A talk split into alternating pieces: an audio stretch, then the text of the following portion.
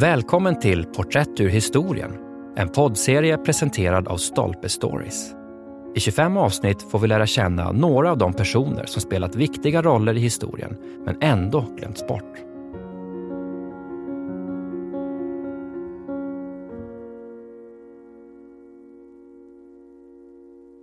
Guitone d'Arezzo, Dantes bortglömda inspirationskälla, av Alexander Lee.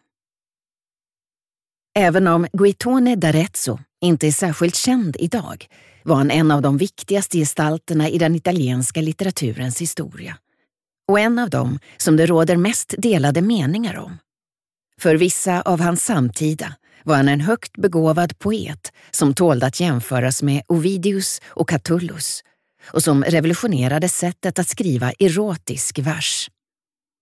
För andra var han en grov och klumpig bluffmakare som saknade verklig kännedom om kärlek och begränsades av sin proletära smak. Guitone föddes i den lilla byn Santa Firmina, strax utanför Arezzo i östra Toscana, någon gång mellan 1230 och 1240. Vid den tiden befann sig den italienska diktningen fortfarande i sin linda. Även om det ibland hade hänt att en del officiella dokument författats på italiensk dialekt hade folkspråket länge betraktats som olämpligt för litterära verk. Inhemska trubadurer som Sordello sjöng hellre på languedoc, sydfranska medeltida dialekter, än på sitt modersmål, allt medan latinet förblev högkulturens förhärskande språk. Inte förrän i början av 1200-talet började dikter skrivas på det språk som talades till vardags. Den första poeten som valde en italiensk dialekt istället för latin gjorde det, om man får tro Dante Alighieri, 1265 till 1321 för att den dam han riktade sig till skulle förstå honom. Men det verkliga skälet var förmodligen mer prosaiskt. Den första dikt som formulerades på något som kan kallas italienska var Franciscus av Assisis, Laudes Creaturarum, lovsång till skapelsen, eller Franciscus solsång, som ibland antas ha komponerats omkring 1224. Emellertid var det främst på Sicilien, vid den tysk-romerska kejsaren Fredrik IIs hov, som denna tidiga italienska diktning blomstrade en krets av poeter som samlades runt Giacomo da Lentini, cirka 1200 till cirka 1260 och den olycksalige Pietro della Vigna, cirka 1190 till 1249, var alla intensivt verksamma. I all sin ungdomliga brådmognad skrev de dikter som sprudlade av friskt liv.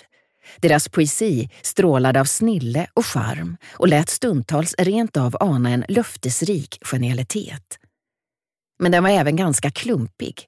Den sicilianska skolan, som den kom att kallas, upptogs av ridderliga teman. I synnerhet fin amor, hövisk kärlek och eftersom den uppstod vid furstehoven hade den en benägenhet att bli opersonlig och belastades alltför ofta av en stel formbundenhet. Trots svagheterna spreds den sicilianska skolans diktning snabbt över hela Italien. Den fick en särskilt mottaglig publik i Toscana, där den inspirerade en mängd efterhärmare. Men när Guitone växte upp fanns det redan tecken på förändring. I Florens, som saknade hov eftersom det var en republik, började en enklare, mer otvungen stil växa fram. Och i Bologna gav det förnyade intresset för den aristoteliska filosofin möjligheter till en mer intellektuellt förfinad lyrik. Men i vilken riktning den italienska poesin nu skulle styra visste ingen. Trots att halvön vid den här tiden jäste av litterär entusiasm fanns det fortfarande ingen tydlig uppfattning om vad poesin borde vara. Än mindre om vilka ämnen den borde behandla eller vilken ton den borde anlägga. Vi vet inte mycket om Guitones utbildning, men dessa frågor tycks ha fängslat honom från tidig ålder. Eftersom han reste från den ena staden till den andra blev han bekant med flera ledande medlemmar av den sicilianska skolans bredare krets och blev uppenbart lockad av dess möjligheter. Snart försökte han komponera egna dikter. Även om hans verk ofta är svårdaterade behandlade hans tidigaste försök den höviska kärlekens klassiska teman. Amore, över allt annat, lidandets sötma och älskarens dyrkan av sin dam. De former han föredrog, sonetten, canzonen och så vidare, var välkända och han uppvisade en svaghet för en invecklad poetisk stil som trubadurerna älskade och som går under namnet trobar clus.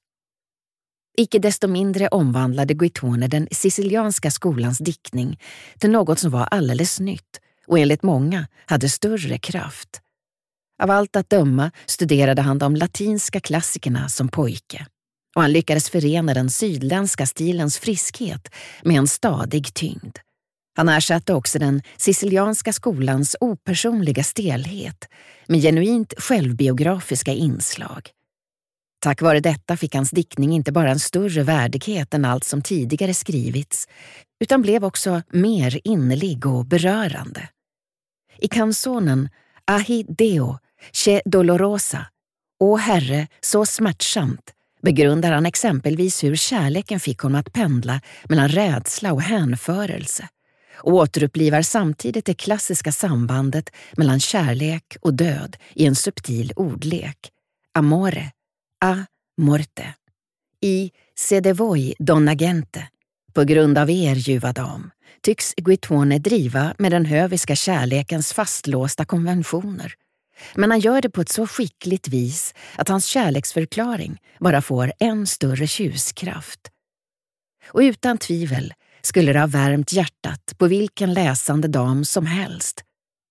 Då vi säkert vet att kärlek uppstår ur det som skänker njutning, skriver han.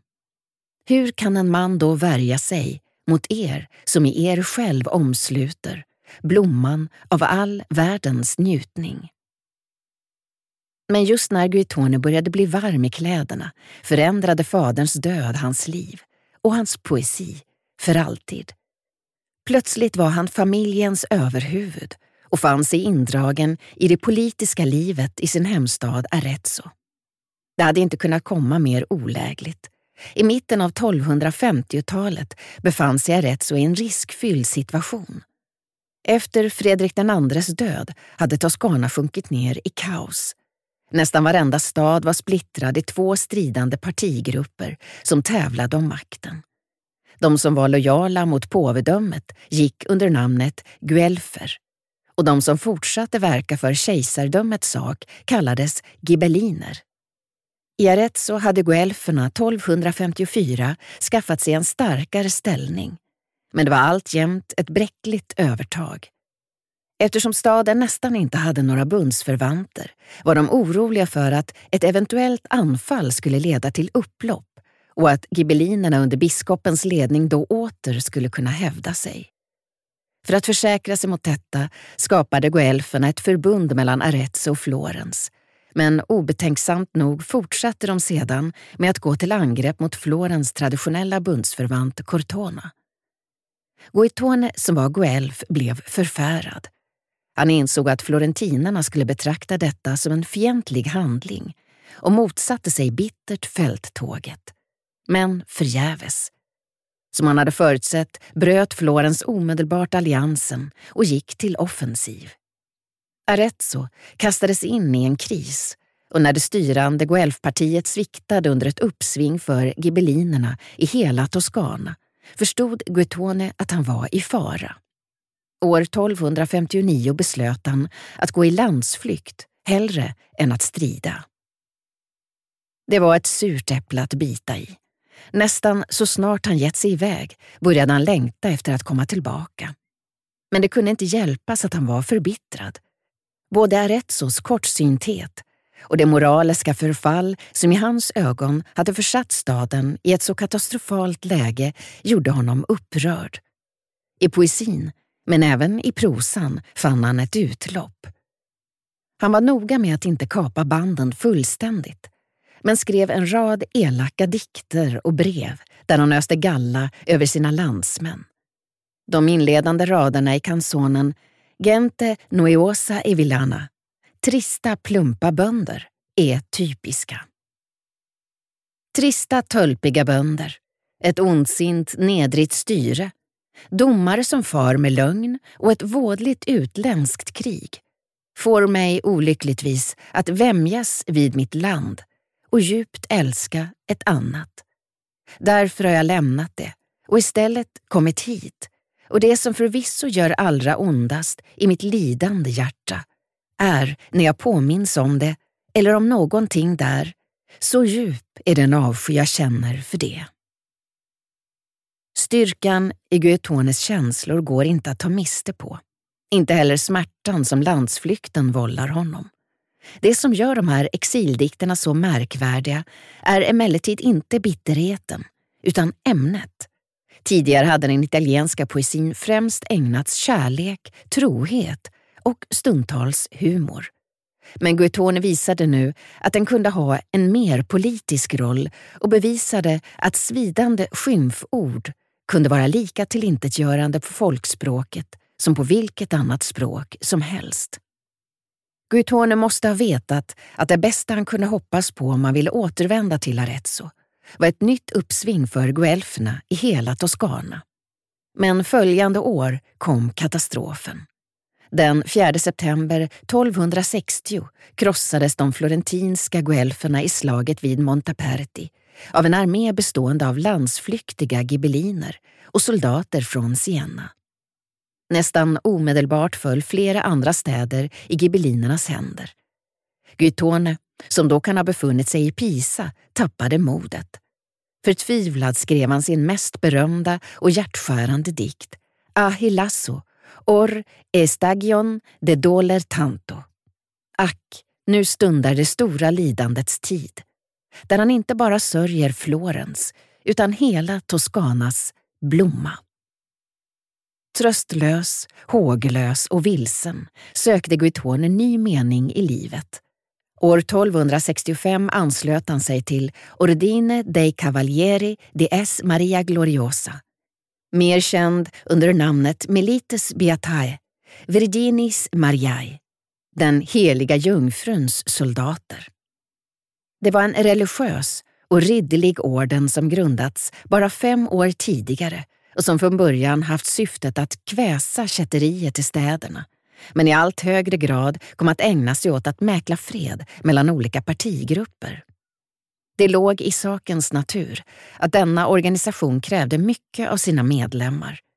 Guitone var tvungen att avge lydnads och kyskhetslöften. Han ombads också att lämna sin hustru och sina tre barn. Men Guitone hade funnit vad han sökte han bröt upp från sitt tidigare liv, blev frate, broder Guitone och gav sig hän åt sitt nya kall.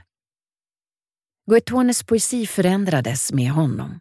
Istället för kärleksdikter och politiska smädeskrifter började han nu skriva ytterligt moraliska dikter där han gisslade den materiella världens syndfullhet och prisade de dygder som krävdes för frälsning.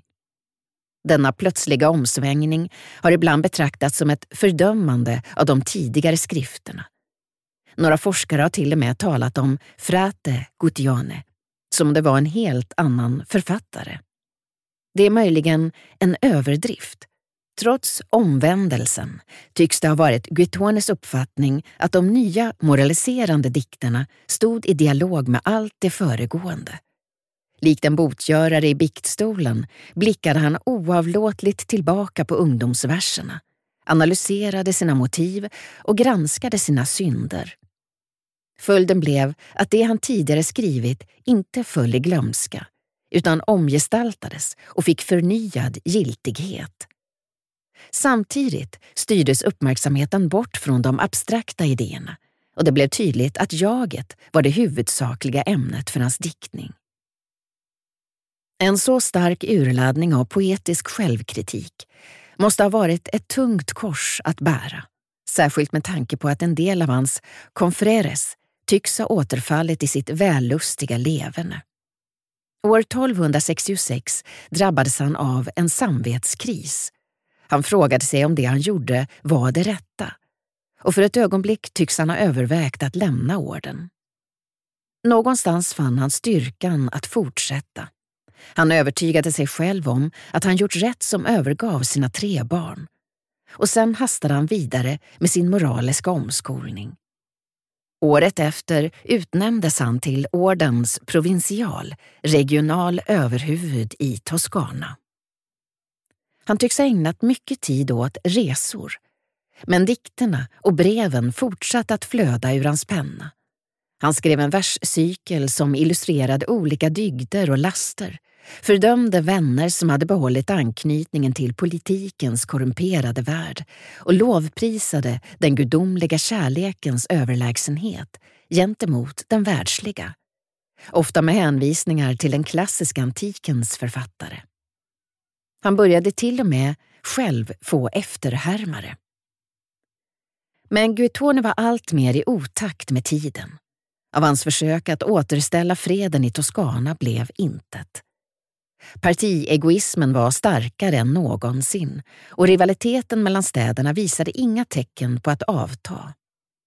När han närmade sig sin 60-årsdag kunde han bara sorgset se på när hans födelsestad Arezzo tillintetgjordes av en florentinsk armé i slaget vid Campaldino den 11 juni 1289. Han var också i otakt med de förändringar inom poesin som ägde rum runt omkring honom. Det hade börjat växa fram en ny strömning som var emot den stränghet och den invecklade stil som hans diktning stod för. Den riktningen skulle senare bli känd som Dolce Stil Nuovo, den ljuva nya stilen.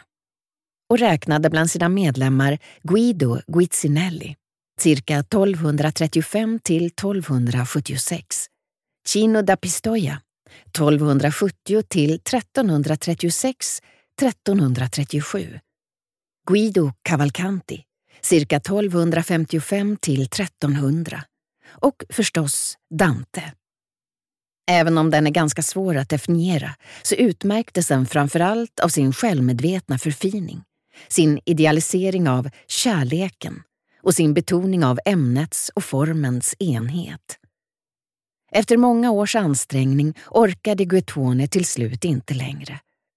År 1293 sökte han sig till det benediktinska Camaldolenserklostret i San Michaele och mindre än ett år senare var han död. Vid det laget hade han redan blivit föremål för hån och förakt. Guido Cavalcanti klandrade honom för hans missbruk av syllogismer och Dante anklagade honom för en hel mängd förmenta brister. I Om vältalighet på folkspråket kritiserade Dante hans grova, simpla stil, helt olik det höviska folkspråk som hörde poesin till, och hans oförmåga att höja sig över det triviala. Senare, i den gudomliga komedin, hävdade Dante ganska hårt att Guitone saknade verklig insikt om kärleken. Skärselden, 24, 55 till 62. Men det kan hända att Dante och Cavalcanti opponerade sig för mycket. Även om de gärna definierade Dolce Stil novo i skarp kontrast mot Guitone hade de honom att tacka för mer än de var beredda att medge. Det var Guitone som gjorde den italienska poesin personlig och intim. Han som gjorde kärlekssångerna till något mer än bara upprepningar av slitna fasta uttryck. Han som gjorde jaget, i all dess plågade, motsägelsefulla enhetlighet, till ett ämne som lämpade sig för diktning på folkspråket. Guitones stil kunde visserligen bli en aning svulstig emellanåt, men han skapade bilder som skulle bli en outplånlig del av Italiens poetiska ordförråd. För att ta bara ett exempel så skulle bilden av Pisa som en gråtande kvinna, som ursprungligen stod att läsa i hans kanson, Magni Baroni Certo Erigi Quasi. Stora baroner, visst, och nästan kungar kom att inspirera Dantes egen skildring av Italien som ej länders härskarinna, men ett horhus. Skärselden 6, 78. Och flera hundra år senare dök den upp på nytt i Giacomo Leopardis 1798 till 1837 till Italien.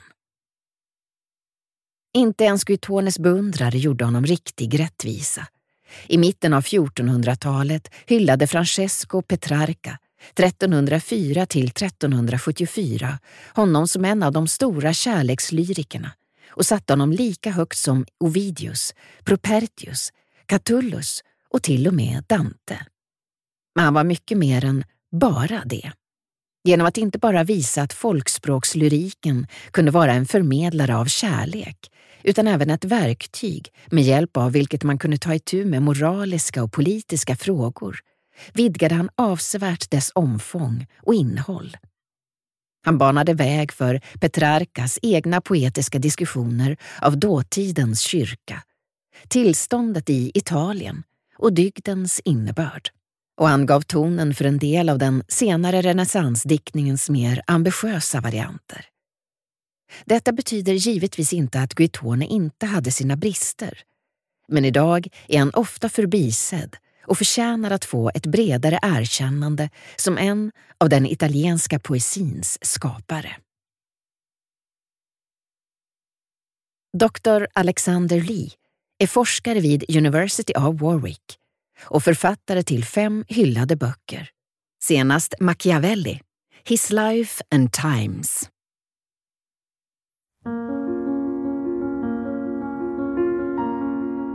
Du har lyssnat på poddserien Porträtt ur historien som presenteras av Stolpe Stories och inläst av Mimmi Kandler. Serien är baserad på essäsamlingen Porträtt, människor som formade sin samtid men som historien glömde. Essäsamlingen finns ute nu.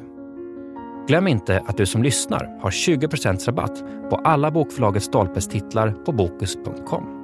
Ange rabattkoden STOLPE20.